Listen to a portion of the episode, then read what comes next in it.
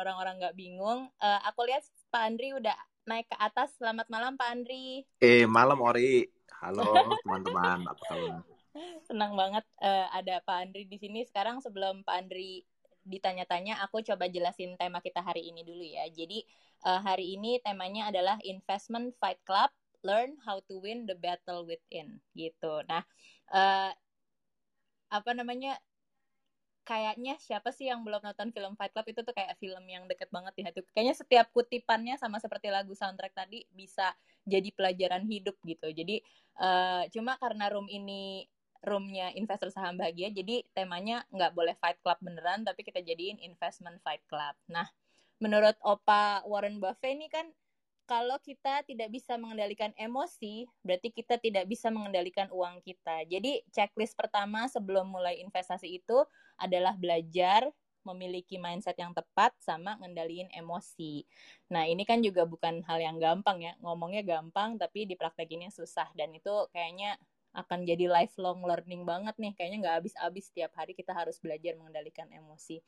Makanya temanya akhirnya learn how to win the battle within. Nah, saya tuh nggak sabar ingin memperkenalkan tamu kita yang sudah muncul ini. Lihat di profile picture-nya aja udah terpancar ketampanannya ya, Bapak ya ampun. Ngaserin. nggak sampai kayak gitulah. Udah udah langsung salah fokus nih kita tuh kita tuh di speaker-speaker di atas ini selalu bilang uh, Bang Andri Ngasrin ini adalah ketua sekte riset broker asing. Ya. Yeah.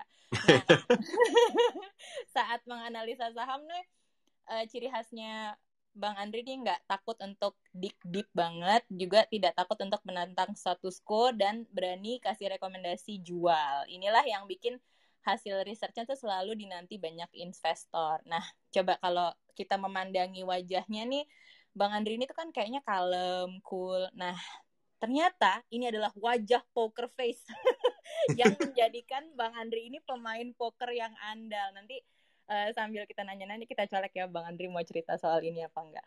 Uh, selamat datang Bang Andri dan karena uh, aku mau uh, sedikit gaji buta, saya mau nanyanya aku kasih dulu ke Kak Jessica. karena Kak Jessica diam-diam kalem juga tapi dia suka punya banyak pertanyaan nyentil. Ci Jessica sudah siap? Siap. Lanjut. Halo Jess. Halo Pak Andri.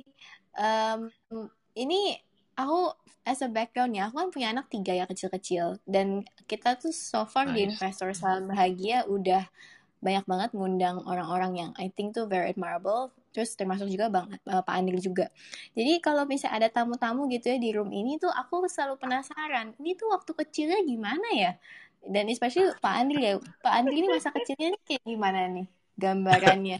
Apakah orang tuanya Pak Andri ini juga punya background investor? Apakah Pak Andri ini dari kecil diberi banyak kebebasan atau udah ada jalurnya dan banyak aturan can you tell us a little more about your childhood Pak Iya menarik ya. Uh, tapi menarik pertanyaan pertamanya langsung ke ke background pas masa lalu. Uh, tapi ya salam kenal semuanya. Nama saya uh, Andri, uh, kepala eh kepala lagi head of research di salah satu uh, broker asing. Ketua sekte, um, bang. ya bingung itu ketua sekte kayak sekte apa gitu. Tapi uh, tapi ya just jadi uh, dulu itu uh, mungkin kalau background uh, saya itu dulu itu uh, dari uh, jadi memang papa saya itu ada dulu backgroundnya banker gitu mm-hmm. dan sebenarnya saya dulu ketika grow up itu at one point lumayan blessed sih uh, grow up dengan silver spoon uh, kakek saya dari zaman dahulu itu juga uh, lumayan uh, ter, uh, boleh bilang kaya lah di Medan gitu kan mm-hmm. uh, tapi ya uh, kejadiannya abis Christmas 1998 gitu. Uh, saya saya itu pernah saya waktu itu masih kecil um, umur 14-an tahun gitu. Jadi merasa heran gitu. Kok mobil berkurang supir berkurang dan kita kok udah nggak makan lagi restoran ya? Terus waktu itu barulah sadar gitu. Wah ini kayak bisnis keluarga kayaknya lagi susah sekali gitu. Ya emang kejadiannya sih bisnis keluarga habis waktu itu kan. Uh, dah itu posisi saya dulu kan uh, lumayan spot gitu kan. Kan grow up with uh, silver spoon. Abis itu taunya ya ambil duit dari orang tua. Mm-hmm. uh, terus ya makin lama kok duitnya makin saya ambil makin dikit deh. Jadi sana itu dari uh, uh, out of necessity uh, baru dari sana mungkin semangat juang saya baru timbul sih. Baru sadar wah ini kayaknya saya udah harus balik lagi gimana cara jalannya untuk kaya secepat mungkin gitu pemikirannya. Bukan pemikiran termasuk pemikiran yang terlalu terlalu holy atau gimana ya, cuman out of necessity aja sih. Iya iya, out of necessity. Kalau dulu waktu masa kecilnya sendiri uh, Pak Andri ini banyak dikasih freedom atau kayak udah dikasih a set of pathway gitu. Oh harus begini lalu atau mungkin kayak disuruh diarahkan untuk nerusin bisnis keluarga gitu Pak. Uh, sebenarnya sih kan ke saya itu pas ketika keluarga susah itu uh, mungkin kurang lebih itu di SMP ya SMP 2 gitu kan. Jadi belum ada arahan sih, belum ada arahan soalnya masih kecil. Nah abis itu kan bisnisnya habis kan. Uh, jadi uh, karena itu ya otomatis uh, disuruh pilih cari jalan sendiri. Hmm, yes, gitu. Yes. Jadi, Baru dari sana. Yeah. Out of necessity ya benar. Out of necessity harus pilih jalan sendiri. Iya, nggak ada. Jadi nggak ada uh, bisnis di yang yang di Jakarta kembali itu pasti nggak ada, nggak ada. Iya. Hmm. Nah, terus dari kemarin kita ngobrol tuh kan uh, Pak Andri bilang ya, Pak Andri tuh pernah tinggal di Singapura, pernah tinggal di Hong Kong, pernah tinggal di Jakarta juga. Dan di antara semua tempat uh, di mana Pak Andri pernah tinggal ini, di tempat mana nih Pak yang paling happy, yang merasa paling happy? And why?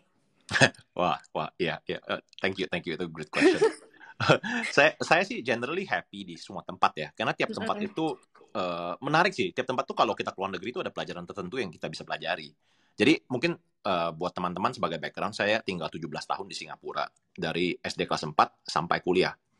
Terus uh, di, dari sana kerja dua tahun, awalnya di, pernah di Credit Suisse Singapura. Uh, abis, uh, abis itu uh, pindah kerja di Hong Kong uh, untuk dua tahun gitu kan. Uh, baru dari Hong Kong itu uh, nama tempatnya di Morgan Stanley Hong Kong waktu itu sampai tahun akhir 2012. Uh, baru kembali uh, kerja uh, Morgan Stanley Hong Kong itu mau buka kantor di Indonesia di cabang. Barulah saya dikirim dari 2013 jadi kurang lebih 8 tahun di sana. Hmm. Jadi kalau uh, back to your uh, question ya, saya merasa itu lumayan diberkati sih. Bisa melihat culture, tata cara pemerintah dan values yang lumayan berbeda lah di tiap negara. Ah, now, interesting. Iya. Yeah. Yeah. Now kalau kalau boleh, jadi uh, kalau saya spesifik ngomong Singapura ya, itu negara -hmm. yang saya benar-benar belajar the value of competitiveness sih. Hmm. Jadi itu itu gila sih. Itu apa-apa di sekolah itu dites. Saya kuliah di uh, itu namanya Singapore Management University.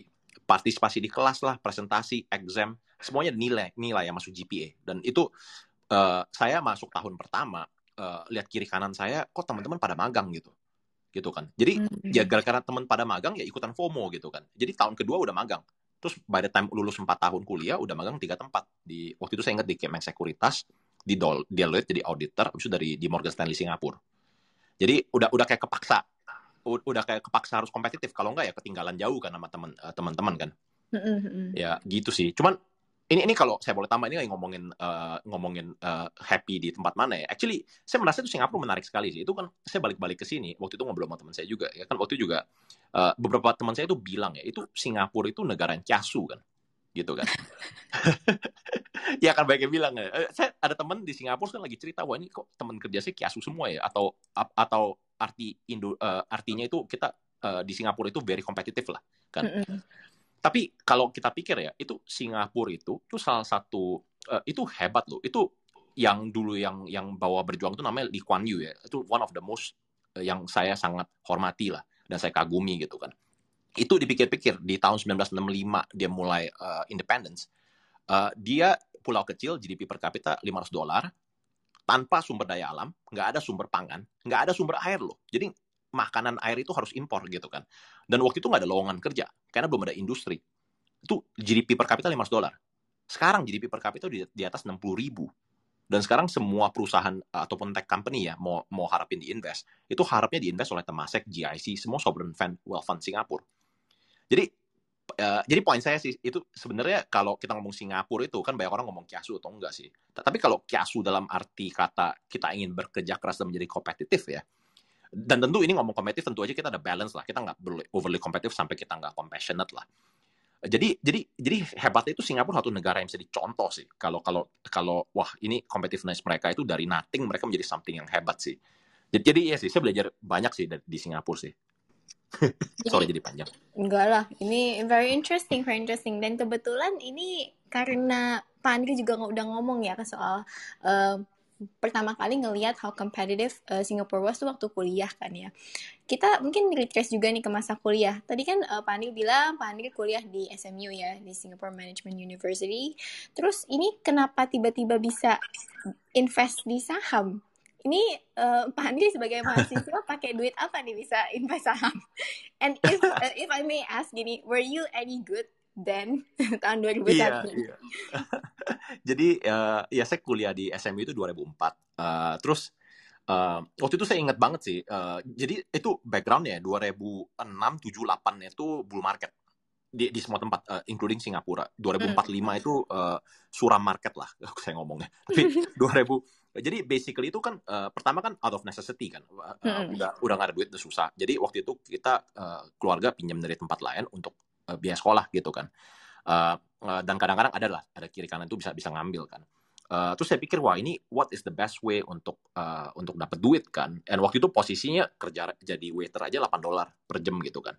Uh, which is not bad kerja 10 jam dapat 80 dolar tapi tetap aja lah. Terus ya what happen it's uh, ada saya baru tahu ini uh, ada program tuition tuition fee uh, loan tuition loan namanya jadi mm-hmm. uh, semester saya itu saya setah uh, satu semester itu lima ribu, dua semester sepuluh ribu dolar kan, sing uh, mm-hmm. kurang lebih sembilan puluh seratus juta ya gitu ya. Terus ada tuition loan yang gratis 0% sampai bayarnya nanti ketika habis kuliah kan. Ya udah, mm-hmm. saya pikir ya udah saya salon aja jadi duit yang saya dikirimin dari dari papa mama saya, uh, saya buat main saham. Saya buat main saham, hasil tuition loannya buat bayar buat bayar uh, tuition fee-nya kan, gitu kan. Ya udah nah kebetulan bull market. Jadi saya taruh saham apa saya merasa genius naikin dua kali lipat gitu kan. Jadi wah ini this is nah dari sana saya udah udah belajar saham. Saya belajar saham this is this is the way untuk saya mau balik untuk jadi kaya. Inilah caranya. Ya bukan bukan tujuan yang mulia lah tapi basically kebetulan gitu kan. Kebetulan dan bapak, saya suka bapak mamanya tahu nggak Andri saya belum pernah cerita sampai sekarang sih. Tapi untung Oke, berhasil coba dilihat di bawah ada nggak nih? Nggak tahu tapi ya, ya tapi lunas beres itu. Soalnya bull market. Jadi semua berhasil. Tentu ya bukan maksud dari contoh ya. Waktu itu lagi posisi desperate juga sih. Gitu. Untung bull market ya pak ya. Iya bull market semua genius. Nah tadi kan juga uh, sempat uh, Pak Andri bilang um, pertama kali intern di Kim Eng itu juga karena um, teman-teman juga ikutan intern FOMO jadi internnya di Kim Eng. So your first career ini memang di dunia pasar modal ya Pak ya? Karena kan oh, 2007 iya. juga magang di Morgan Stanley di Hong Kong, tahun 2008 kerja di uh, brokerage di Singapore. Dari semua karir uh, steps in your career ini, Pak Andri, what's the biggest lesson you've learned? Uh, wah lesson banyak ya. Mm-mm. Tapi mungkin yang saya kaget itu sebenarnya ketika pertama kali masuk ke sekuritas. Jadi saya per, uh, magang itu di Kimeng Sekuritas pernah, di Morgan Stanley Singapura pernah, habis itu kerjanya di Credit Suisse Singapura awal-awalnya gitu kan. Mungkin yang saya paling kaget sih the the amount of brain power ya. Uh, yang saya belajar di sana gitu. Jadi orang yang talented itu dari waktu itu saya kerja bos saya itu orang Pakistan. Wah, pintar sekali. Di sana itu ada orang India, uh, ada satu dari kalau dari Amerika juga ada satu orang gitu kan. Uh, dan beberapa orang Singapura. Mereka itu anak kalau analisa itu pengalaman kayak banyak banget gitu. Udah tahu segala macam bisnis kalau analisa uh, lumayan sharp uh, kalau kita ngobrol sama manajemen itu kayak smooth lah. Jadi buat saya yang baru kuliah sekolah selesai ketemu habis itu belajar belajar cara yang mereka lakukan dan latihan model-modelnya sih saya merasa sih hebat sih. Terus ya merasa ini gila ini kerja di sekuritas di Singapura ini kok uh, dalam banget ya pemikirannya.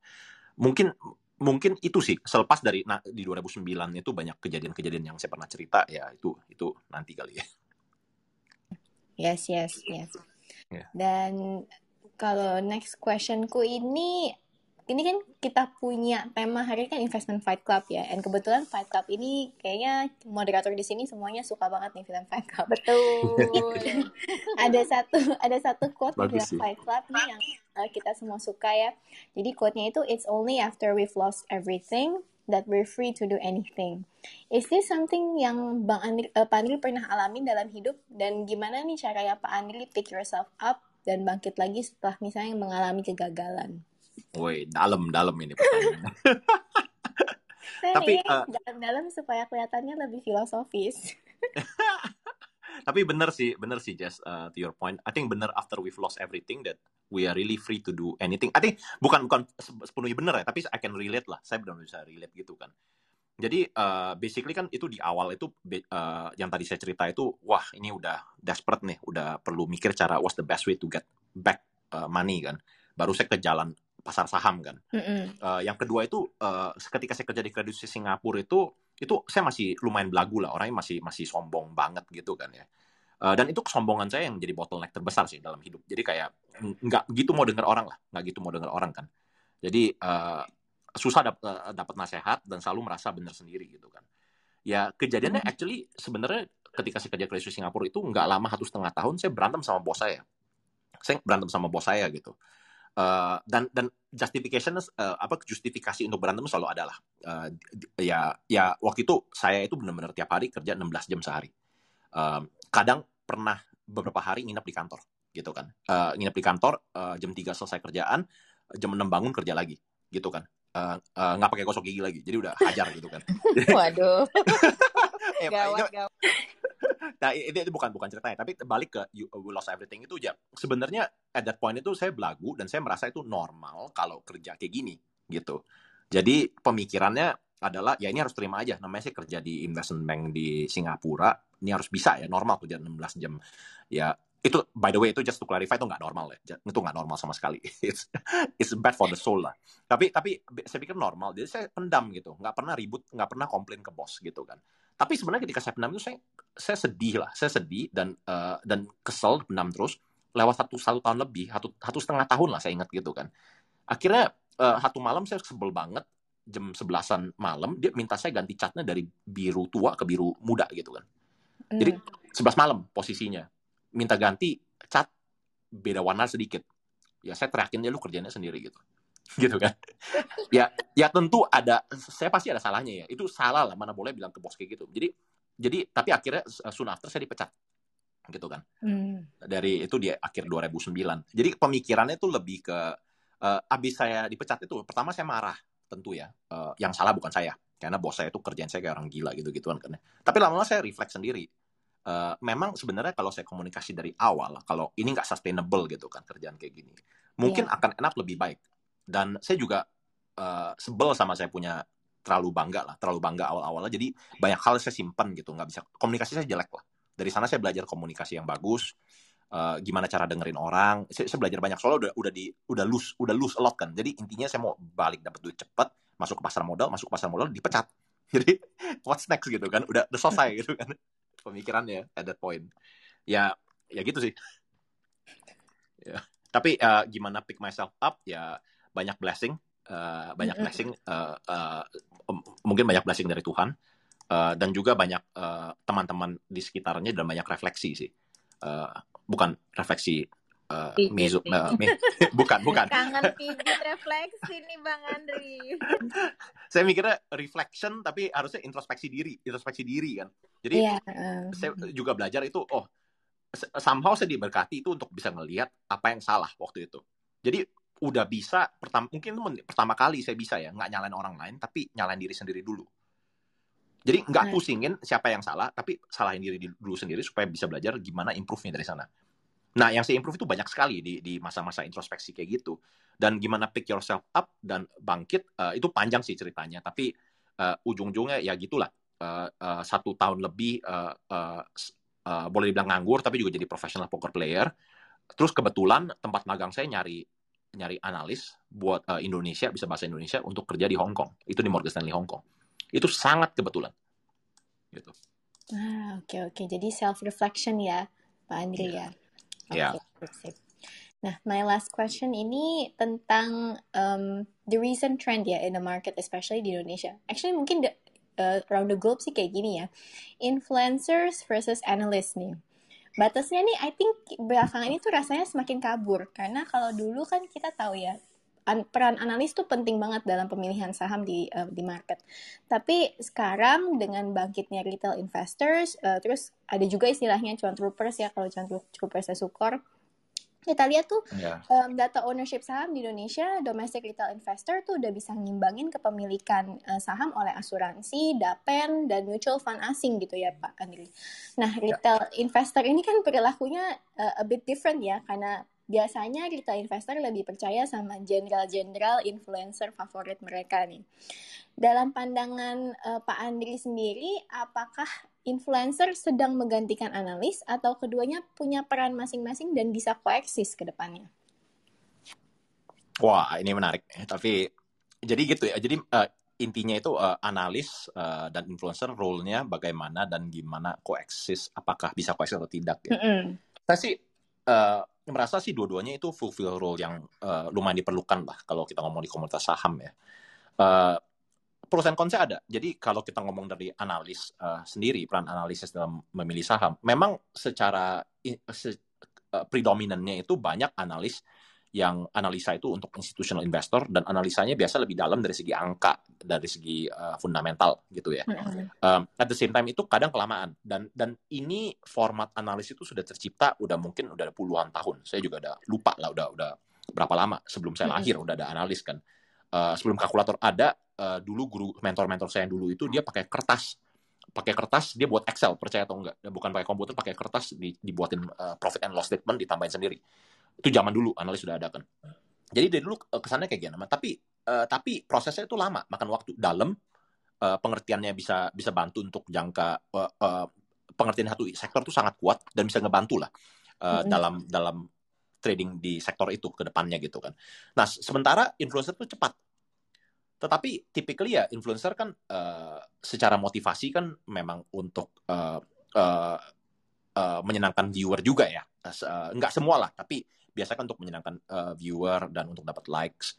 Nah, itu tendensinya sih bite size pieces satu. Jadi pendek-pendek uh, message-nya. Uh, soalnya itu yang orang suka kan. Uh, dan bite size pieces itu kadang nggak fair sih. Uh, kadang nggak fair. Uh, memang ngebantu bisa short term, tapi selalu ada ada pandangan yang lebih dalam di sesuatu problem di pergerakan saham gitu. Yes. Gitu kan. Jadi itu bite size pieces satu. Ya, ya kedua ya kadang-kadang uh, beberapa influencer itu either overly critical for the sake of being critical, kan? Atau tidak Ah, critical sama sekali. Gitu. Mm-mm. Jadi jadi cuman untuk please the viewer, nggak semua ya. Ada some yang yang sangat hebat lah. Dan saya ngelihat di di di audience ini beberapa general-general influencer yang jago-jago gitu kan. Tapi tapi dua-duanya kok eksis lah. It can fulfill both. Ah, oke. Thank you. thank you. Ngomong-ngomong, Bang Andri itu termasuk Kak Jessica juga loh, general influencer. Oh iya iya iya. Banyak. Bukan aku bukan influencer. Aku food blogger. Oh, sama tos.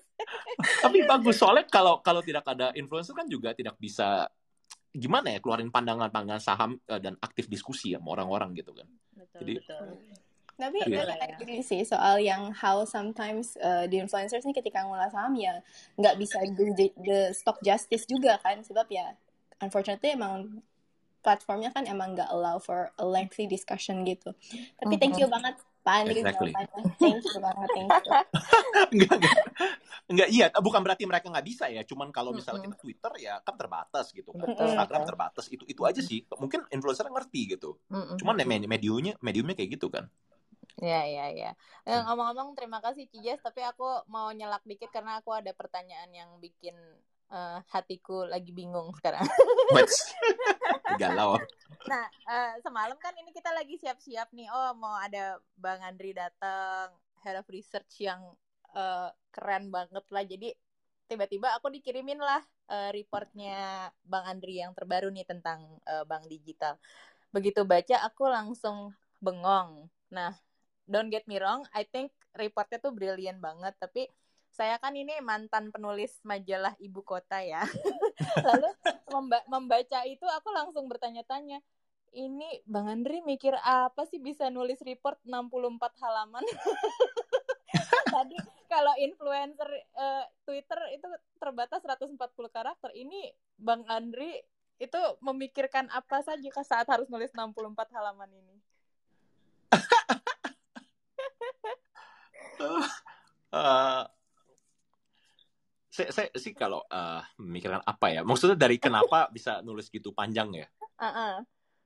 soalnya sih gimana ya? Itu analis itu banyak seperti analis itu menarik loh kerjanya. Itu ini kalau saya describe ya buat buat Iya. uh, yang belum especially yang bukan di industri kan Mm-mm. uh, tugas utama kita itu sebenarnya tulis report tuh konsekuensinya, tapi tugas utama kita sebenarnya advice uh, fund manager Oke. gitu kan. Itu uh, dan, dan diskusi dengan mereka lah jadi lawan diskusi Mm-mm. sama sama ini itu tugas utamanya. Uh, Mm-mm. report itu untuk marketing material kita boleh anggap ya. Mm-mm. Uh, di dalam pekerjaan kita itu kita jadi accountant satu, Mhm, kita jadi detektif dua, gitu kan? Beneran, soalnya harus tahu ini fakta. bener. Ya, ketiga harus jadi jurnalis kan, Mhm. jurnalis uh, basically interview banyak uh, orang dan dan uh, dan cek lah ini ini bener atau enggak kan. Kadang-kadang keempat jadi uh, fraud investigator gitu, you know. Jadi jadi jadi Iya, iya. jadi banyak kan kerjaannya kan. Dan style orang beda-beda. Style orang beda-beda. Ada yang lebih Mhm. suka cepet-cepet aja, pendek-pendek. Ada yang lebih suka panjang. Kalau saya kebetulan ya suka suka saya I like to spend my time sih untuk ngeliatin semuanya gitu. Ya, Oke. Jadi Bang Andri panjang nih. ya, Aduh, Ya. seru-seru. Nah, yang aku pikirin lagi ini 64 halaman waktu nulis soundtracknya apa, Bang? Oh Fight Club dong. Oh. enggak, enggak, enggak. Enggak itu dibantu juga, dibantu kolega saya itu juga makan waktu ada dia 2 3 bulan sembaring kerjaan hal lain lah gitu. Oke. Oh, jadi jadi untuk bikin report ini waktunya 2-3 bulan gitu ya?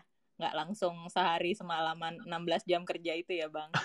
Enggak, enggak enggak bisa juga soalnya kita juga banyak tugas lain gitu. Harus ngobrol sama sama sama customer, sama klien, Iya, mau- iya, iya. banyak Oke. lah. Saya Iya. mulai paham sekarang. Nah, eh, sekarang saya mau undang eh, menurut saya orang yang agak mirip sama Bang Andri karena dia juga detektif dan investigasi kalau urusan saham dan analisa. Wes. Kak Billy, Ya, halo, halo. Weh. Ya, oke. Halo, Billy. Andri. Halo. Billy. Halo, halo. Oh, udah, udah Billy udah terkenal ya. Gaya lah.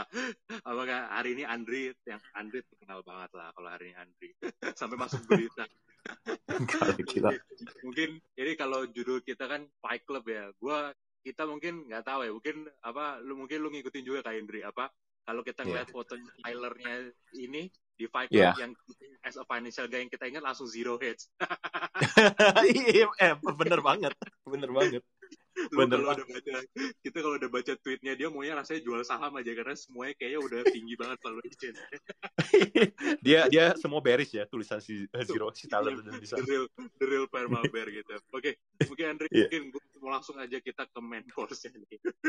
nah, hari ini kan hari ini kan apa kemarin ya kemarin kemarin gue baca report dari apa eh, Andri gitu kan soal bank yang depannya A belakangnya O ada huruf T juga gitu kan kita Ya nggak ampun. usah sebut, sebut namanya gitu kan sampai masuk berita lagi hari ini kan nah mungkin eh, mungkin Andri bisa ini nggak sih elaborate ke kita semua gitu soal banking industry landscape tuh sekarang kayak gimana gitu. Dan juga kan kita tahu sekarang kan ada traditional bank gitu kan dan ada juga digital bank gitu. Nah ini kan digital bank apa eh, bangga bisa dibilang mengandalkan ekosistemnya ya Andri ya. Sedangkan digital bank ini kan mengandalkan eh sorry yang traditional bank bilang bahwa kita punya klien yang selama ini eh, udah bisa dibilang jadi cash cow-nya kita gitu yang menggenerate profit kita tuh eh, gede. Nah mungkin eh, Anda bisa elaborate nggak jadi kira-kira sekarang banking industry landscape seperti apa dan traditional bank ini harus gimana sih untuk apa bisa berkompetisi sama eh, bank digital ini gitu I see, I see. Ya, Eh, mungkin saya akan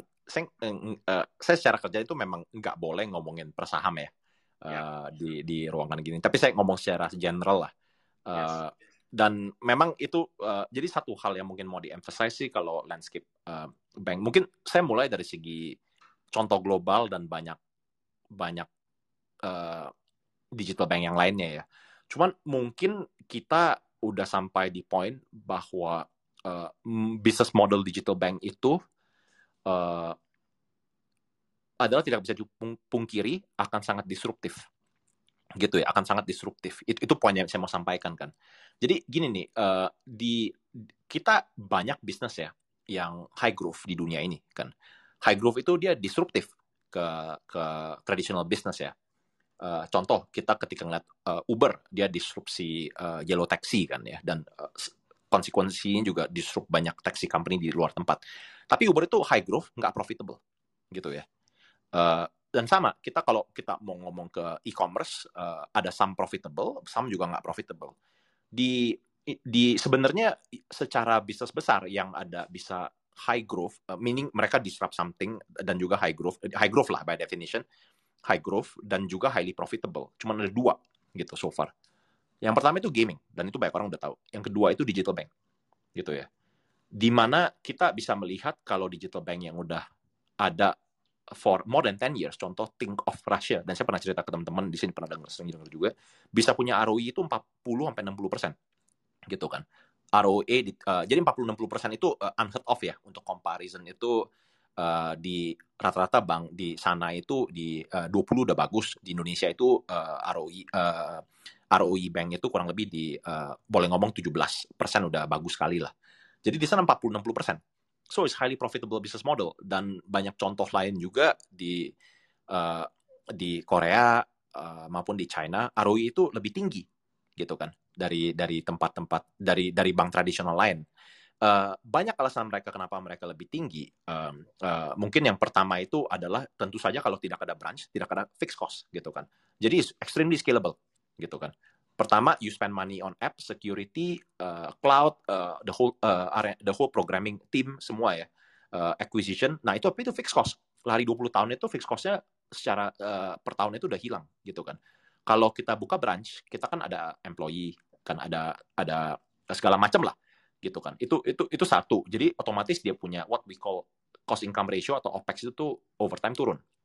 Dan selain itu uh, ya kedua ingat nggak kalau kita mau beli produk di bank-bank lain ketika dia mau perkenalkan contohnya ada produk promo uh, mortgage yang baru uh, mor, apa ya namanya uh, KP uh, KT, KTA ya eh KTA KPR KPR uh, uh, sorry kredit rumah kan uh, ketika kita tawarin uh, produk baru kredit rumah kita kan harus ke banknya dulu dan banknya itu nawarin kita kan dulu jadi ber, kapan berapa lama kita ke bank dalam dalam setahun gitu kan. Dan uh, ketika kita ke bank mau nggak kita kita dengerin mereka produknya apa.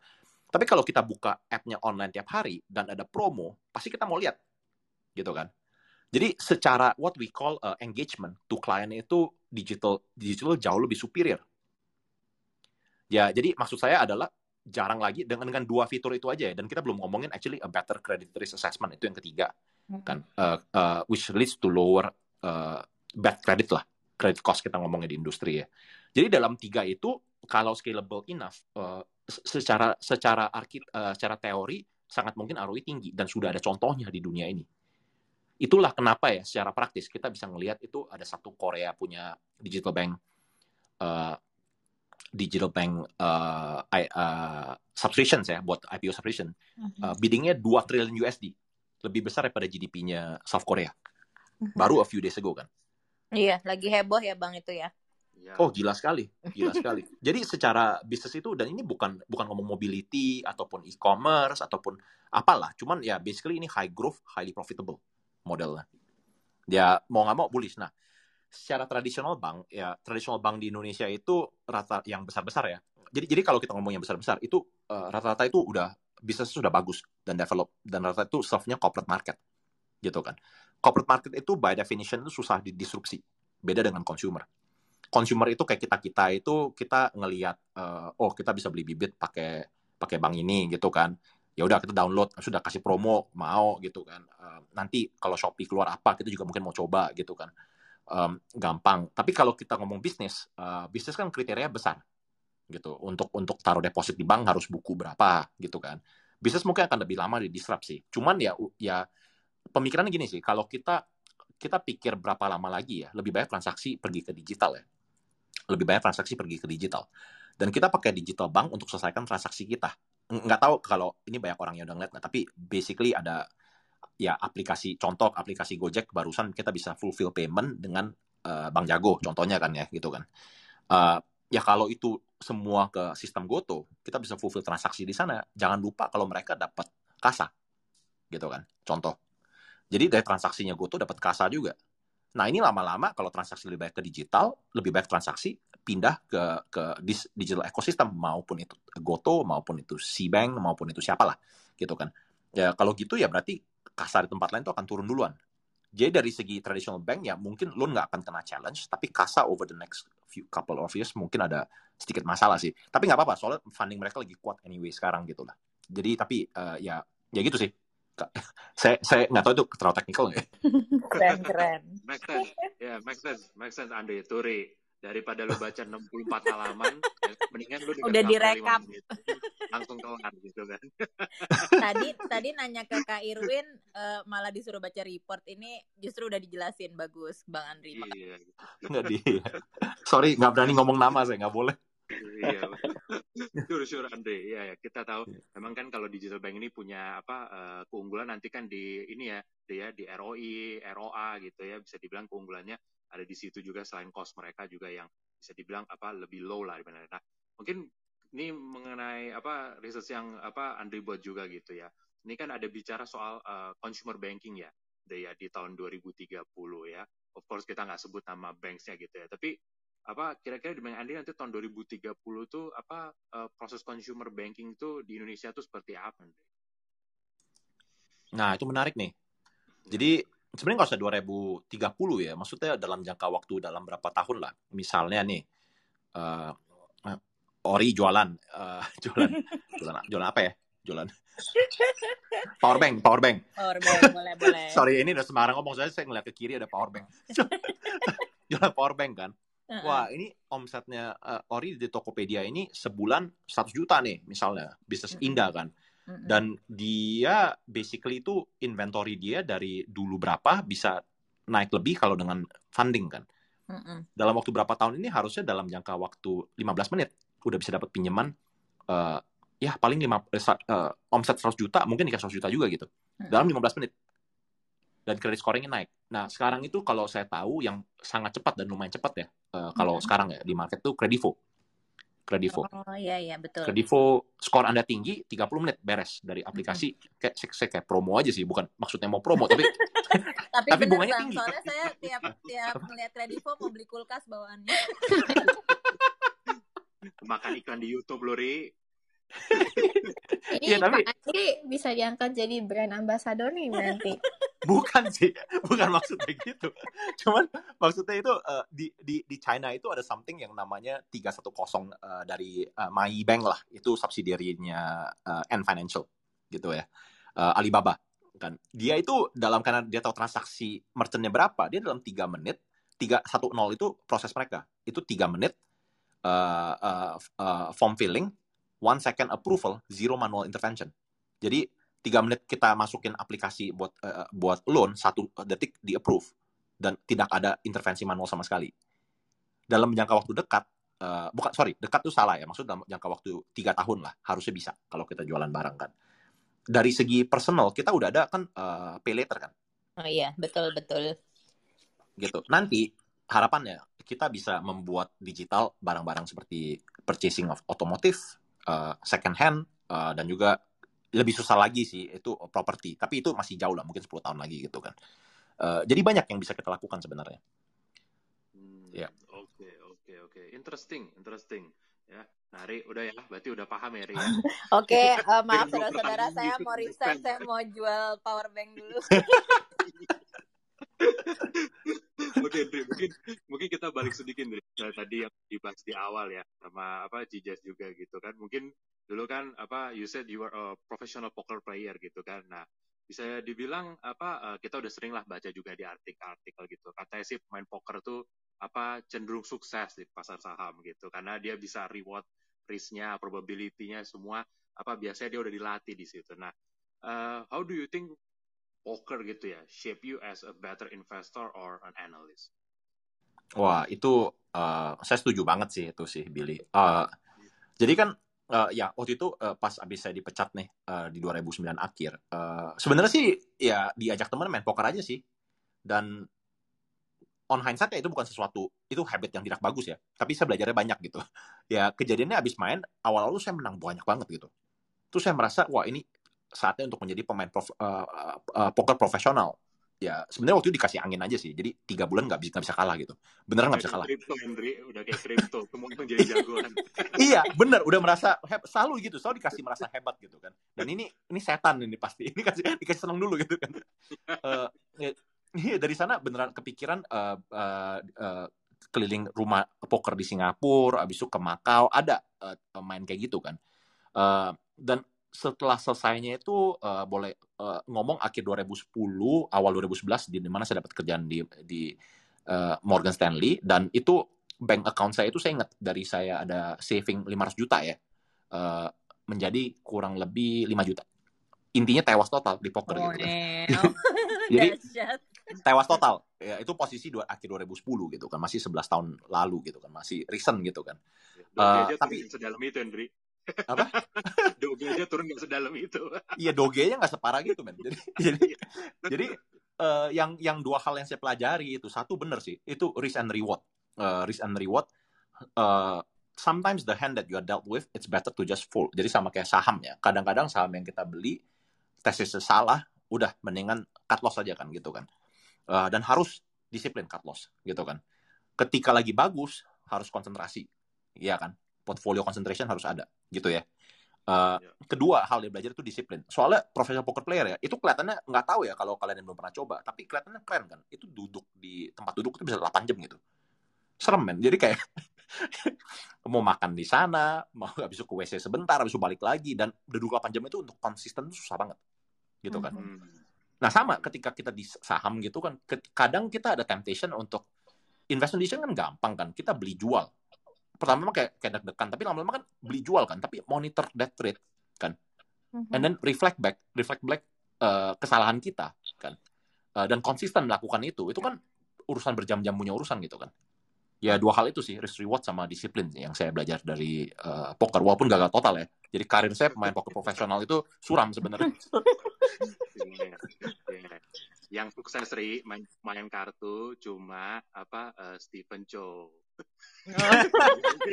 satu di Piret berubah ya? Iya. Coba nggak tahu apa artis Hongkong lagi gue lupa Chow Yun Fat tuh. Nah, Aduh, bener bener bener bener Oke, okay. Iya. yeah. Andre, yeah. mungkin kan yeah. kita sering dengar lah ya. Last week juga kita ada bahas soal apa value sama growth gitu sama apa narasumber kita yang kemarin tuh Pak Lukas sama uh, Kokris gitu ya. Nah, soal value sama growth, mungkin kita mau tanya juga sama Andre as an analyst gitu ya. Uh, kan orang bilang ya hati-hati value, nanti value track nih gitu. Even sekarang lagi banyak blue chip lagi turun gitu kan, ya apalagi ada consumer goods satu yang turun terus gitu kan semua orang pikir wah udah murah nih atau seperti apa gitu kan nah mungkin yeah. lu apa bisa kasih ini nggak Andri apa eh, kira-kira apa sih ciri-ciri dari value trap itu? Jadi biar teman-teman di sini bisa belajar juga value trap itu seperti apa. Wah, ini yang kayak waktu saya cerita nih, ini kalau ngomong bisa panjang banget nih. Jadi disingkat aja. Singkat-singkat aja ya? Rangkuman, rangkuman. Rangkuman ya. Uh, waduh, ini uh, mungkin mungkin sebelum saya ke value trap, saya boleh nggak ngomong sendiri tentang value versus growth? Soalnya ini kan lagi hot banget kan. Tapi boleh, boleh, saya komen sedikit ya. Saya komen, komen sedikit. Dan saya yep. mau uh, ini saya uh, baca tahun lalu nih, uh, baca tahun lalu uh, dari one of my favorite stock guru lah. Saya ada beberapa favorite stock guru kan. One of itu Aswaf Damodaran. Oke, okay. kita kita agree lah ya kalau dia itu salah satu valuation punya guru ya, ya kan. Yes, yes. Uh, udah terkenal As Aswaf uh, Damodaran kan. Dia kasih free lesson di YouTube sangat bagus kan. Nah dia ngomong nih, value and growth investing has become a very lazy categorization of investing. Yeah. Gitu kan. Jadi jadi kalau kita take a step back, kalau kita mengkategorasi sesuatu atau mengeneralize sesuatu, itu kan untuk memudahkan pembicaraan kan. Gitu kan. Tapi oftentimes itu artinya loss without going deep dan dan dan ini nggak tiap kali ya, tapi kadang kita bisa sesat gitu kan. Jadi kadang kita masuk contoh di market itu sering ngomong tech companies kan. Tapi not tech companies are all equal. Terus kalau kita ngomong bandar, apa itu arti bandar? Kalau kita mau lebih spesifik, kita bisa coba menenangkan dan mendetailkan kan. Di setiap perusahaan ingin kita analisa, uh, bagaimana flow-nya dia atau kalau dari segi tech companies itu bagaimana grup profile-nya, story dia apa segala macam lah gitu kan ya. Jadi bisa lebih detail lagi tapi kita mengkategorisasikannya seperti kayak uh, jadi jadi kurang deep lah menurut saya. Mohon maaf. Jadi jadi kayak saya merasa, saya bukan merasa saya nggak uh, merasa uh, uh, ini diskusi perlu value versus growth. Cuman uh, maybe we can we can refocus ke per saham atau per per sektor yang berbeda. Nah, sorry kepanjangan ya. nah, ini kalau kita balik ya, kita uh, kita pakai kategorisasi itulah value ya. ya. Dan value trap itu biasa kita ngelihat PI rendah kan ya. Atau price to book rendah kan. Yes. Which uh, sebagai filter pertama oke okay kan. Dan kita biasanya kan kalau kita ngomong value player, kita kan lihat uh, dan dan uh, saya uh, mau clarify ya. Saya bukan value player. saya itu termasuk uh, mixed martial arts gitu ya. Jadi kemarin uh, uh, Kokris uh, yang bicara ngomong uh, total investor sama, saya total investor, saya MMA gitu mainnya. Jadi uh, nah tapi uh, tapi saya bisa pakai topi value investor. Berarti saya bisa dan saya bisa pakai topi growth dan saya bisa pakai topi event dan topi flow dan topi TA juga bisa gitu kan ya. Nah, kalau kita pakai value trap kan pertama bilang P rendah, PB rendah kan. Ya. Habis itu ke, ke next one kalau kita disiplin uh, angka, kita kan ngomong kan apakah ada one off gain supaya PE dia kelihatan kecil, kan? Apakah market memikir kalau pangsa pasar dia every year akan turun karena itu aset dia itu harusnya ada impairment, gitu kan ya? Nah gitu. Uh, itu kan dos ada usual example dan kita apa sudah ngetes bener nggak faktor ini itu market tahu tidak tidak tahu dan kenapa sahamnya itu kalau market udah tahu kenapa nggak gerak mungkin market belum tahu gitu kan kita tes kan biasanya karena nanya ke orang udah tahu belum ya uh, nah kalau saya ngomong sih uh, value trap itu di uh, itu sebenarnya banyak sih. Uh, banyak dari segi market tuh the price in banyak hal sebenarnya. Dan kalau kita ngomong di tahun uh, tanda kutip value stock ya di 2009 2010 itu ketika terjadi crash kan kan banyak di push terus itu sam emiten batu bara nggak usah ngomong yang mana kan. Terus ada juga beberapa saham di 2015-16 perusahaan otomotif yang kecil lah didorong juga kan. Uh, sampai sekarang saham itu masih minus 70-80 persen tuh by the way kan. Uh, dan itu bisa ngomong di segi value dan segi PE soalnya nggak memikirkan E-nya itu bisa rendah sekali. Dan yeah. actually some of the book value itu udah impair gitu kan ya. Uh, jadi ada company specific reason di mana uh, di each of them. Yang saya saya nggak mau cerita yang mana lah. Uh, dan strictly speaking value angle ini uh, nggak work sampai reason ini turn around. Sampai company specific reason turn around ya. Jadi uh, uh, nah sebenarnya intinya gini sih tapi uh, saya merasa itu uh, kalau kita ngomong value trap itu sangat banyak di Indonesia. Kita harus ngeliat lebih dalam lagi dari segi apakah ada one off, apakah ada impairment. Cuman uh, kalau kita ngomong value play di Indonesia aja ya, dalam arti valuasi murah, itu sebenarnya banyak loh. Tapi sifatnya biasa temporer gitu. Kadang harian doang turun ke bawah. Of the property stock itu itu kadang-kadang jadi value dalam waktu sehari ataupun dalam seminggu kan, ataupun tiga bulan kadang-kadang kalau seperti April Juni 2020 Nah, untuk mengetahui yang mana real value, kita harus to go deep. Dan biasanya ya kalau kita kita go deep, kita tahu banyak juga yang tahu. Makanya timeline dia menjadi value itu bisa bisa sebentar doang, sehari seminggu. Nah, backgroundnya kita perlu go deep sih. Kalau kalau kita benar-benar mau ngomong value ya. Kalau enggak ya kita uh, kita betting to value trap atau enggak aja gitu. Iya, iya, iya. Gitu sih. Ya, ya ini harus pakai example asli sih, tapi kadang saya nggak berani cerita juga example aslinya. Ya, ya. Jadi bukan masalah valuation metric aja ya, berarti teman-teman ya kayak book atau PE atau juga biasa orang paling gampang ngitung cash ya dibanding market hmm. cap gitu. Kadang-kadang yeah. kita juga prospek perusahaannya ke depan seperti apa gitu. Karena kadang-kadang ya perusahaannya oke okay, gitu ya, tapi misalnya ada regulation atau apa itu aja itu udah bisa menghambat apa growth si perusahaan sendiri gitu. Oke okay sih, That's all. Apa? Oke. Okay. Uh, thank you very much. Bener kan mirip. Thank you Bill. Thank you Bill. Makasih Kak Billy. Ngomong-ngomong, uh, ini kan sekarang Clubhouse sudah ada fitur chatting ya. Aku baru cek-cek ternyata banyak yang nanya katanya uh, bisa akses report Bang Andri di mana katanya gitu. Oh, saya juga nggak tahu sih sebenarnya. Jujur ngomong ya itu saya kan kerja buat institutional uh, yeah, broker yeah, ya. Yeah, Jadi yeah, itu uh, customer client itu kita itu institution. Sebenarnya itu bukan buat uh, umum ya, Pak. Umum saya juga nggak tahu dari yeah, uh, gimana yeah, keluar yeah. ke umum sih. Sebenarnya saya doang yang punya tadi akses rahasia investigasi. ya udah bapak saya juga bingung. udah... bukannya saya nggak mau loh saya nggak boleh loh. Per kontrak saya nggak boleh. Benar-benar emang ini udah kita kan udah ngobrol sama bang Andri ini udah lebih dari researchnya. Iya. jadi itu oh ngomong-ngomong nih kalau ada yang menanya ternyata bisa di fitur chat ini juga ya. Nanti uh, kayaknya di akhir sesi aku mau bagi-bagi kejutan spesial jadi boleh nanya di situ atau nanti raise hand. Nah, sekarang saya mau ngajak siapa? Bang Irwin, belum nanya nih. Monggo. Oke, okay, Ori, thank you so much for the uh, time. Uh, Ko Andri, uh, hey, salam kenal. Ini Irwin. Salam kenal. Iya, jadi uh, kok gue ada pertanyaan ya uh, mengenai uh, being a good analyst gitu kan. Uh, tadi Ko Andri juga udah pernah cerita bahwa uh, waktu awal-awal jadi analis itu kan belajarnya gila ya, gitu. Dan um, tapi ada juga uh, waktu itu saya pernah ketemu uh, satu klien dia bilang bahwa ini uh, investor hebat juga. Dia bilang uh, analis yang terbaik di pasar saham itu cenderung punya pandangan bearish gitu. Uh, maybe because they're too smart dan juga uh, udah tahu spot-spot jeleknya di mana aja gitu kan. Jadi uh, over the time kalau misalnya kita lihat ada yang jelek-jelek pasti kan agak agak bias kan. Nah, uh, menurut ko Andri, uh, is it possible to be bearish in the in the in the in the apa namanya situation di mana kita itu juga uh, melihat di mana-mana ada stimulus dan juga uh, tech company itu growing significantly in terms of share price. Uh, menurut Andri ini gimana nih uh, dengan pasar saham yang pertumbuhannya gila-gilaan dan loss making company making trillions tapi uh, in market cap of course ya tapi uh, mm -hmm. di satu sisi kita juga berat kita mau jadi bearish itu menurut Andri gimana? eh uh, Irwin that's such a great question loh. Uh, jadi apakah bisa gimana kita bisa menganalisa saham cenderung bearish ya? Mm -mm. Saya itu uh, beberapa kali punya downside price target itu tujuh uh, 40 sampai 70 persen kan.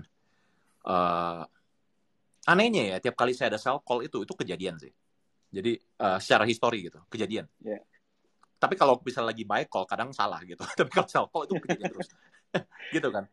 Kalau saya sih ngeliatnya gini sih, uh, saya sangat percaya di di bearish, uh, saya sangat percaya di bearish point. Jadi saya, saya selalu mulai saham itu dengan melihat gimana saya buat sell call di saham ini gitu kenapa supaya kita cenderung kita kita uh, ngomong Inggris itu kayak poking holes ya uh, at the thesis uh, uh, uh, maaf bahasa Indonesia itu gimana ya? jadi kita satu kayak nyoba-nyoba gitu nyari mencari ngetes ngetes kesalahan. kesalahan nggak sih? Iya ngetes ngetes ngetes nyari salah ya. nyari salah. Mencari salah mencari salah. Kenapa nah. begitu? Kenapa begitu ya? Ketika saya sadar ini uh, uh, tesis salahnya itu susah terjadi kan? Hmm. ataupun market nggak terima kan? Berarti ini sahamnya cuma naik. Gitu ya. Gitu. Jadi soalnya nggak ada kalau saya sampai nyari segitu dalam nggak bisa susah ketemunya apalagi yang lain pemikiran saya gitu. Oh. soalnya yang lain fokusnya nyari yang bull saya nyari yang jelek gitu kan. Ini jadi kayak agak saintis ya. Jadi ya prove me wrong gitu. Jadi uh, challenge saintis lain juga untuk uh, ya coba tesis gue biar salah gitu ya. Kalau saya lebih gitu ya. Kalau saya lebih hmm. lebih gitu mulai. Dari semua sektor saya mulai itu analisa normal yang SWOT uh, uh, Porter Five Forces valuasi segala macam. Itu saya jebret semua yang negatif. Tapi saya tes. Saya pasti tes saya lawan bicara kan kita harus ada lawan bicara komunitas siapa ini uh, kurang begitu bagus karena ini, ini itu ini itu ya. Terus kalau saya berasa uh, either mereka benar nggak tahu on this bad point dan akan kejadian besar, ataupun ternyata bearish point yang saya come out itu nggak se-strong itu. Hmm. Uh, saya lagi mikir ada, ada ada yang saya bisa cerita tanpa offend orang nggak ya? Jangan deh nggak berani saham udah udah jatuh semua. oh, ya. Jangan ngomongin company deh gitu.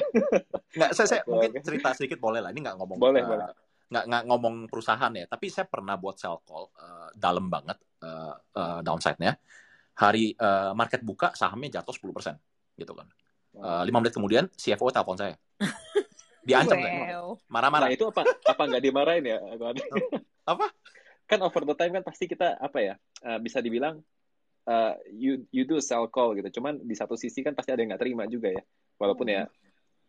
Memang sih. Uh, dan sekarang saya udah bisa belajar empatis. Uh, dulu itu kayak kayak ya ini kan call saya saya independen segala macam tapi saya mereka juga ada tanggung jawab sendiri kan. Tapi ya pertanyaannya ini selalu tentang apakah kita mau menjadi terlalu baik tapi menutupi the truth kan? Atau kalau kita mau berani truth dan offend orang. Nah balance itu sangat susah di uh, apalagi di negara kayak kita culture-nya polite ya. Hmm.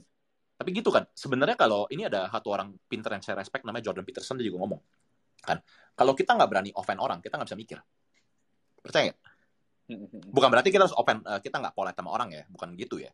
Tapi kalau kita terlalu polite sampai kita nggak berani menyangkal kan. Berarti kita susah mikir kita geri-geri aja dong ya nggak? Iya, iya. Ya itu, uh, tapi ya of course bukan berarti kita harus impolite lah, tapi kita harus ngomongin perbedaan pendapat kita. Secara uh, compassionate ya, baiknya. Ya untuk mencapai konklusi yang lebih bagus itu menurut saya sih. Oke, uh, nah ini menyambung nih bang, uh, pertanyaan yang berikutnya ya. Uh, itu kan tadi uh, agak susah untuk bearish ya, di mana uh, sekarang kita lihat uh, chip money dan uh, dan juga uh, fund flow semuanya uh, ke teknologi stock gitu. Dan uh, seperti yang uh, bang Andri tahu kan kita ngelihat growth stock dan juga ada Feng, ada ada Baba atau Tencent. Nah ini kan kita melihat uh, suatu uh, cerita bahwa uh, technology company kan bisa jadi luar biasa besar gitu dan uh, market cap-nya kadang bisa nge-rival suatu GDP. Uh, tapi uh, sedikit yang discuss tentang perusahaan yang udah growing so big tiba-tiba gagal nih uh, uh, Bang Andri. Jadi mungkin bisa share sedikit nggak ada uh, sharing tentang perusahaan teknologi di luar negeri yang apa namanya uh, market cap sudah besar tapi tiba-tiba jebol gitu. Uh, ah. Jadi kita sebagai investor di sini juga bisa belajar uh, mistakes-mistakes di luar sana seperti apa, jadi kita nggak terulang lagi di Indonesia. Meanwhile kan kita juga baru mulai ya, namanya growth investing, tech investing seperti ini. Tapi yeah. tenang Bang Andri, ini di luar negeri jadi nggak offense seseorang. di sini nggak, yeah. ya di sini sedikit susah. Tapi uh, mungkin uh, saya sedikit itu tentang tentang apakah uh, kita bullish makanya susah untuk melihat yang jelek-jelek ya. Uh, sebenarnya sih menurut saya, menurut saya sih saham yang jelek uh, basically tech stock itu juga baik yang turun. Juga baik yang turun ya. Uh, dan uh, banyak juga perusahaan yang gagal dan bangkrut kan. Uh, dan ini sedikit tips ya. Kalau kita mau mencari tadi kan saya bilang kan itu saya itu pertama biasnya itu negatif dulu. Bukan karena saya mau negatif tapi untuk cari celah kan ya. Kalau misalnya kita saya nggak bisa dapat celah itu berarti bullish gitu ya. Uh, kalau celah itu nggak di share banyak orang berarti bullish juga gitu ya. Uh, nah saya biasa sih ngelihat ya di saham-saham the big caps ini uh, namanya um, yang tadi you ngomong ya uh, apakah Facebook, Alphabet, uh, uh, Google uh, dan uh, Baba, Tencent, uh, uh, Bats lah gitu ya. Uh, saya sih biasa ngelihat kapan dia sahamnya turun sih dan kenapa sahamnya turun alasannya di sana. Jadi kan saya mau lebih konsentrate di pemikiran kenapa sahamnya geraknya kayak gini. Dibandingkan at point valuasinya gimana, apanya gimana. Ya biasanya itu ada predominant reason. Ketika something happen itu ada predominant reasonnya kan ya. Uh, dari sana kita bisa ngelihat beberapa faktor yang membuat saham tech di luar negeri turun. Jadi uh, ada beberapa sih. Uh, satu itu basically uh, uh, time exhaustion. Total addressable market exhaustion.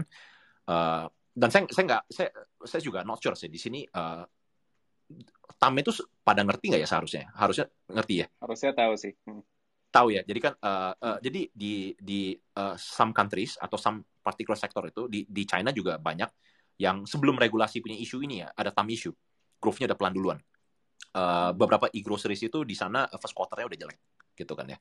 Uh, kedua itu uh, regulation issues. Kita tahu ya, regulation issues itu sangat uh, bahaya apalagi di China kemarin uh, dibilang online harus gratis semua gitu kan. Uh, ya kalau saya sih rasa ada ada eh, ada, ada dua faktor itu uh, dan ketiga itu uh, market disruption. At one point itu ketika Pintuoto ngambil share-nya Baba, Baba juga kena gitu kan ya. Uh, dan kita bisa belajar apakah nanti growth kita akan slow down, apakah nanti regulasi akan tambah ketat, apakah ada kompetisi yang jauh lebih kuat. Nah, kita kan contoh kalau dan kita harus uh, observe all these big points ya dan secara obsesif juga. Uh, yang Indo jangan lu deh. tapi tapi mungkin mungkin mungkin udah mulai ini ya apa namanya tertarik bahas lokal ya.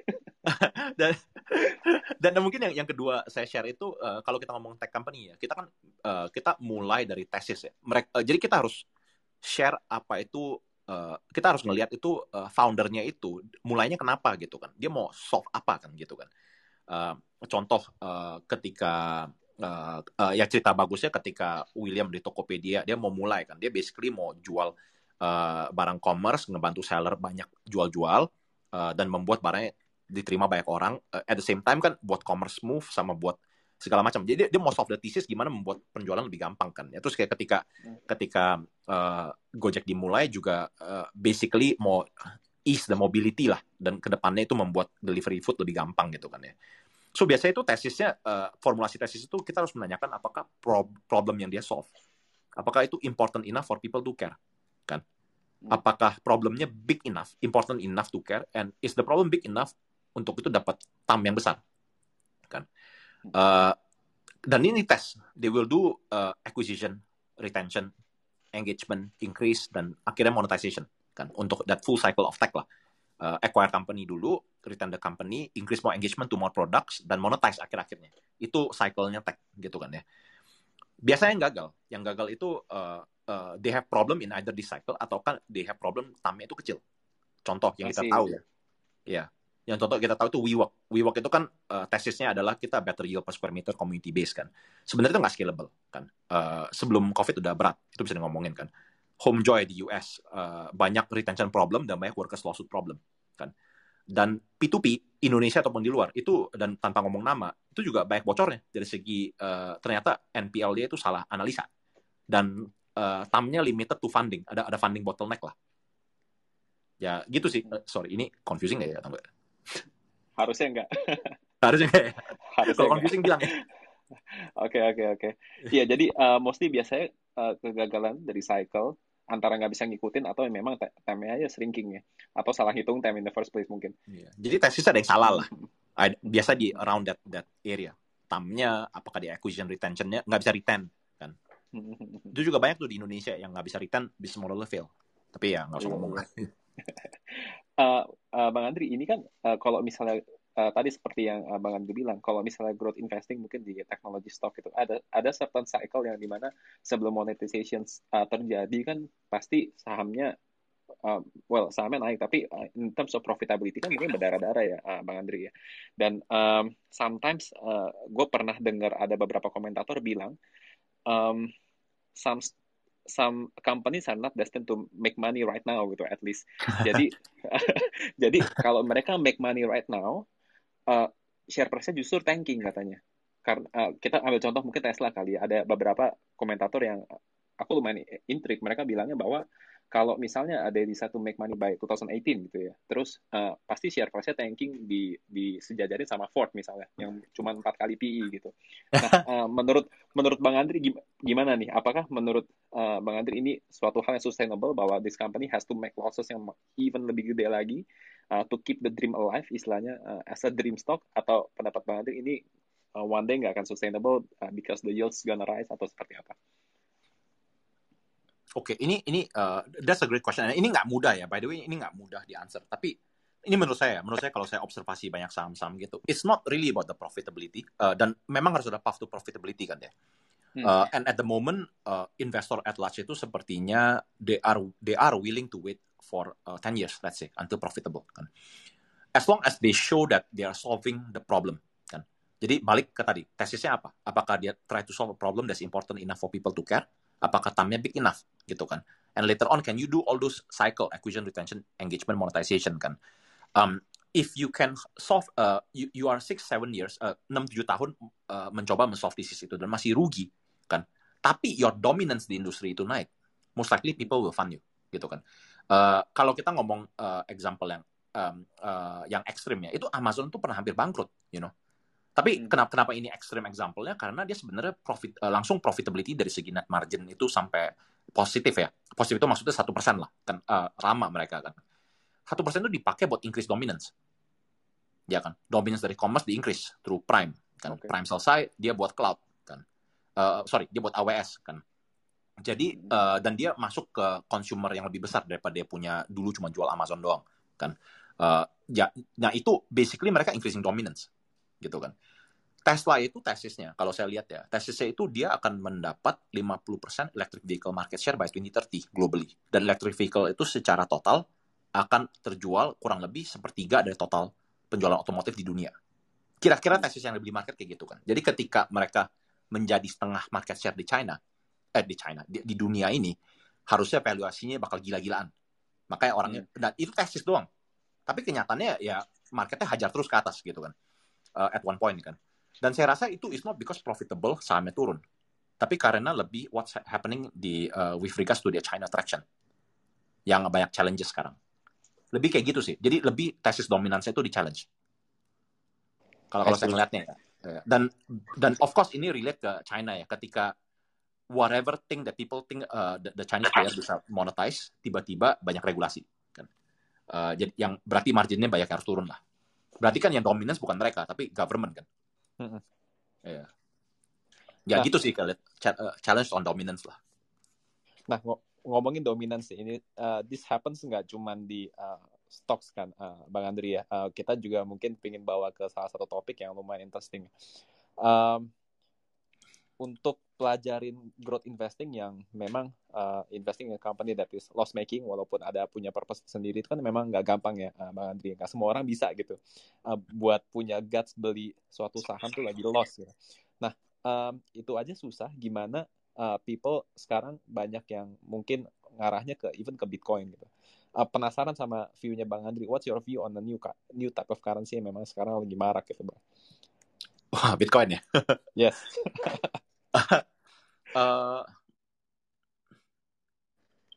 saya itu di September ya, uh, diceritakan September 2020.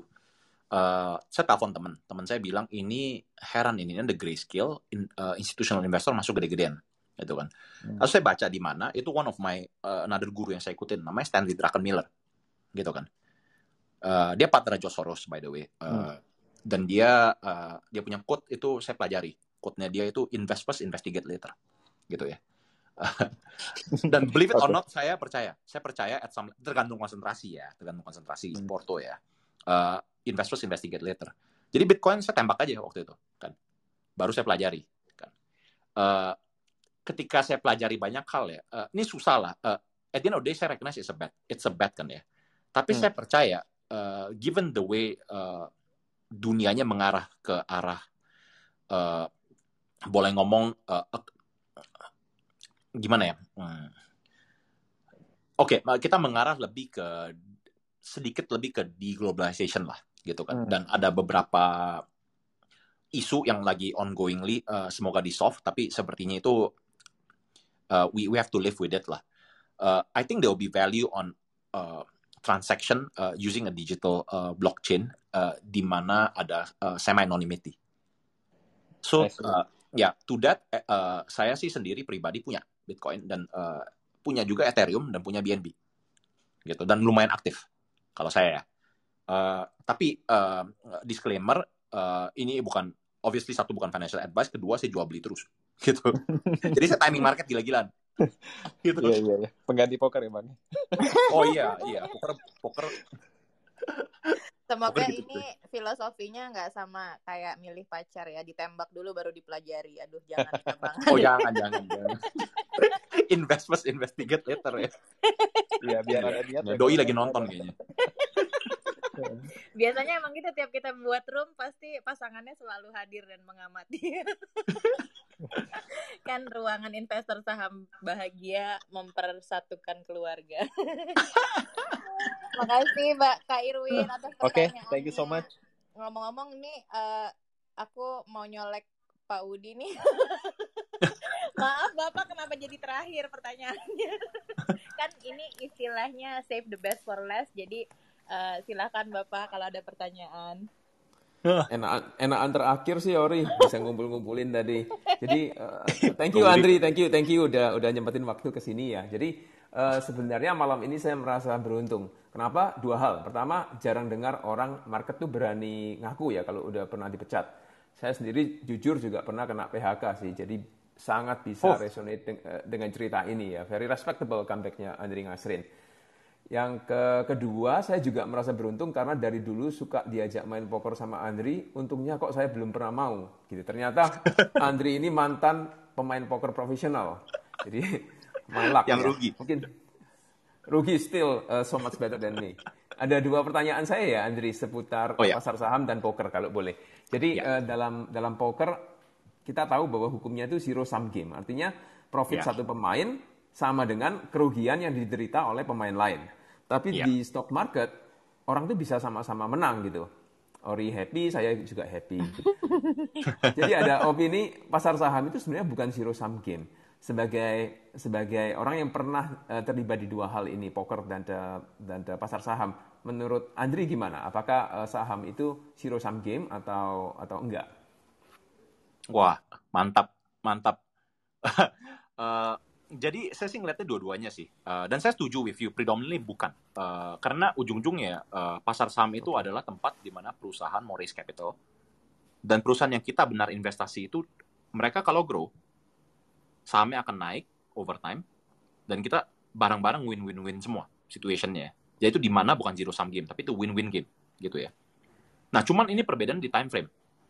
Untuk uh, kinerja perusahaan bagus itu sometimes perlu waktu. Memang sometimes pom-pom cepat ya Uh, tapi uh, juga kalau kita pemikirannya lebih short term saja, apalagi kita margin, nah itu menurut saya lebih zero sum game.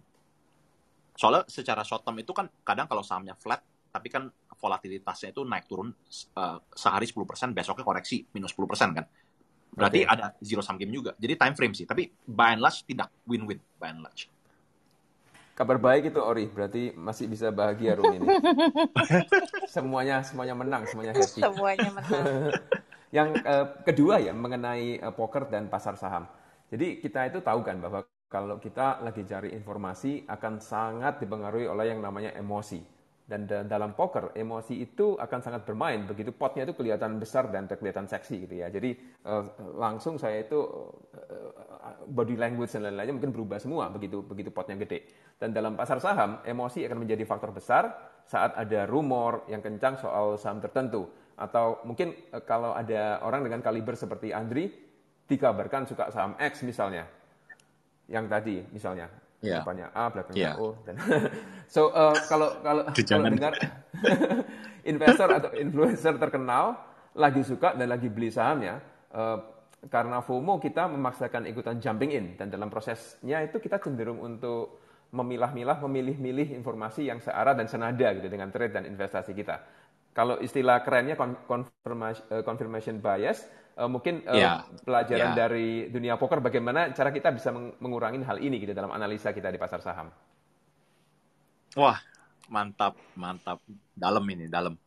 Bagaimana mengurangi uh, confirmation, confirmation bias ya bias. dan bagaimana yeah. kalau kita nggak ke bawah-bawah rumor kencang gitu ya. Yeah. Uh, saya rasa sih uh, beberapa hal sih. Satu itu kalau saya sih obses dengan invalidation bias ya. Jadi kalau biasnya satu saham itu tesisnya ABC, uh, ini mau dibeli apa gitu kan? Saya bakal cari alasan dulu kenapa nggak akan terjadi. Hmm. Dan untuk cari alasan itu perlu ngerti industrinya, gitu ya. Okay, okay. Nggak gampang sebenarnya. Jadi perlu udah pernah perlu studi industrinya itu satu. Kedua itu seperti poker ya. Itu sebelum biasa masuk ke handnya. Dan ini banyak trader yang saya kenal udah lama di market juga ngomong sama. Jadi basically itu memiliki sesuatu namanya trading plan kan. Kalau okay. poker itu ketika kita main dengan kartu ini, kita udah memikirkan kita kalau skenario 1, 2, 3 kita mau ngapain.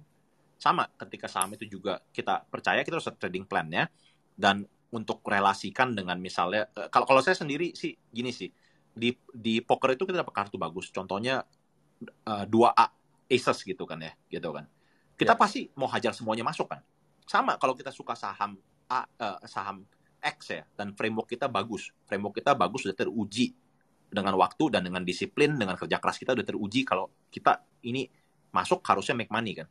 Taruh aja gede gitu kan. Dengan dengan cut loss yang uh, proper lah, invalidation bias yang yang proper. Itu menurut saya sih.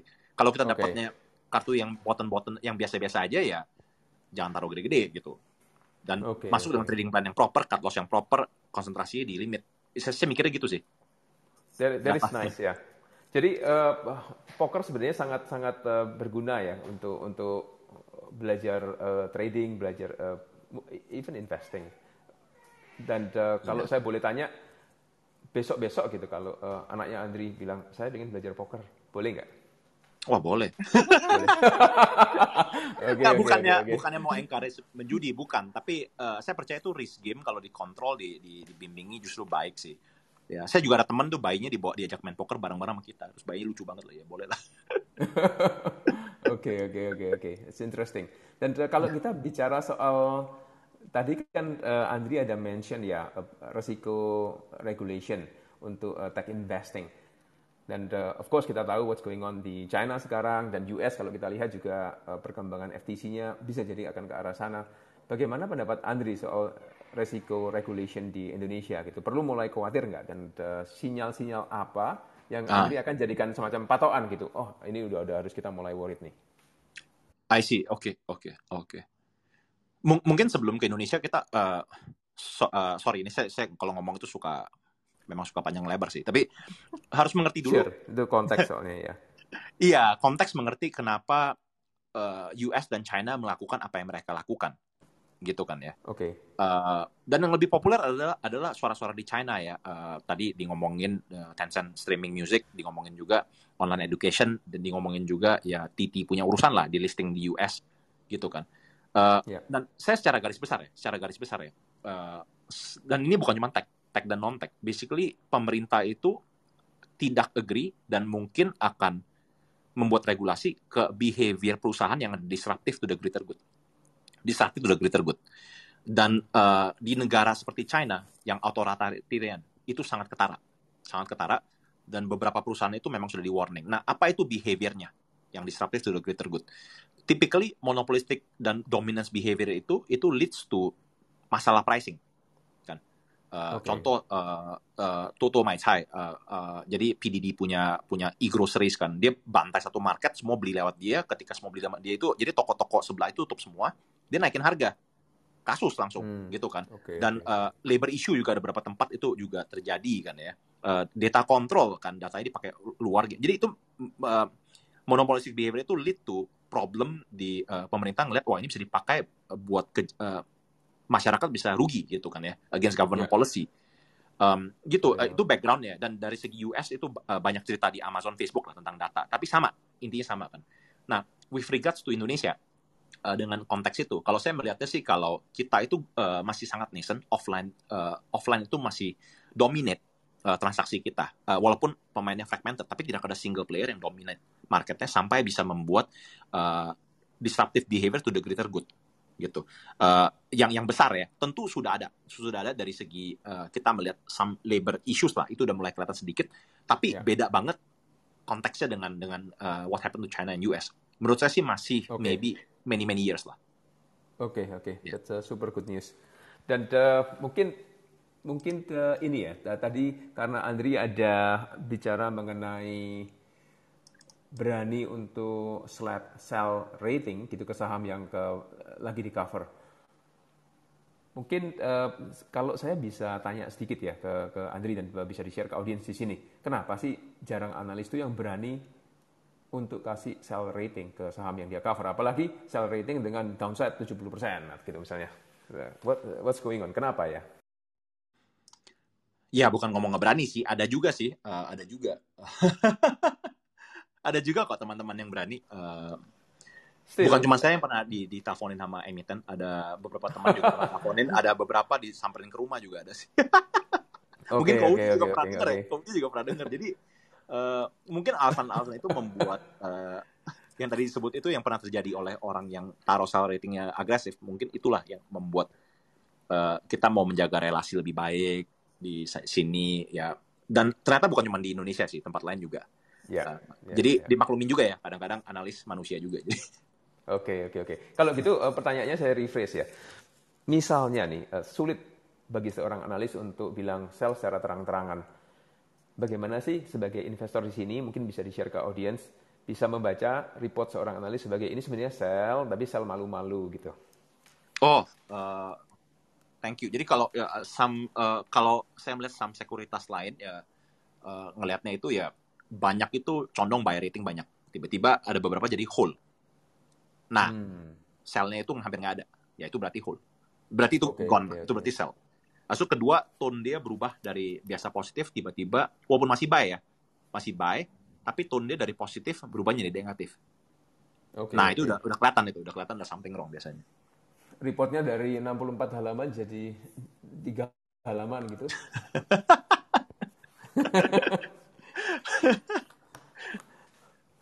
Oke, okay. jadi jadi uh, kalau kalau uh, uh, dua hal ini harus pakai ya, perubahan tone dan uh, juga rekomendasi hold itu mungkin the sell tapi sopan gitu. Ya, iya. Yeah. jadi begitu ya. Oke. Okay. Thank you Andri, uh, very very uh, useful sharingnya hari ini dari saya uh, mungkin itu ya. Ori, thank you. Luar luar biasa Pak Udi, terima kasih banyak. Uh, thank you Kak Udi. Thank you, thank you. Seru banget nih. Jadi uh, ngajarin kita cara membaca gerik-gerik gerak-gerik analis ya. Kalau misalnya uh, baca report kita harus tahu dulu tone-nya. Jangan-jangan ini ada rekomendasi jual malu-malu. Nah pengumuman tadi soalnya ada yang DM akun nih di clubhouse nanyain kak kenapa sih nggak ngundang cuai jadi uh, pembicaranya? Nah minggu depan nggak boleh dilewatin karena ada clubhouse royalty nih uh, dari room sebelah nanti hari Selasa 3 Agustus jam 8 malam kita akan ada acara Balancing Return and Risk, Marriage and Investment ala Cuai. Tapi Cuai nggak sendiri karena Cuai and husband Goy Xiao Hong juga akan hadir. Jadi kita bisa menggali lebih dalam nih. Melihat sisi lain dari seorang Cuai. Seru nggak? seru banget kayaknya seru, seru. aku yakin kayaknya... nih satu room juga pada kasar jadi tell spread the news tell everyone uh, minggu depan kita akan uh, kedatangan bintang tamu yang selalu bahagia yaitu uh, Cicu Ai dan suaminya nah minggu depannya lagi kita akan kedatangan seorang stock stock market legend bosnya Kim Eng anak kisaran dari Sumatera Utara. Jadi uh, mungkin dengan petunjuk itu udah udah bisa ketahuan tapi kita umpetin dulu nanti uh, minggu depan kita umumin lagi. Ini pasti super pecah. Terima kasih seluruh investor bahagia yang udah uh, mantengin room kita. Uh, terima kasih banyak Bang Andri, uh, semoga nggak kapok, semoga bahagia keluar dari sini. Thank you, bahagia, banyak ketawa, banyak sharing, happy belajar. Terima kasih banyak seluruh host. Selamat malam ya Yuk, semuanya. selamat malam. Thank you.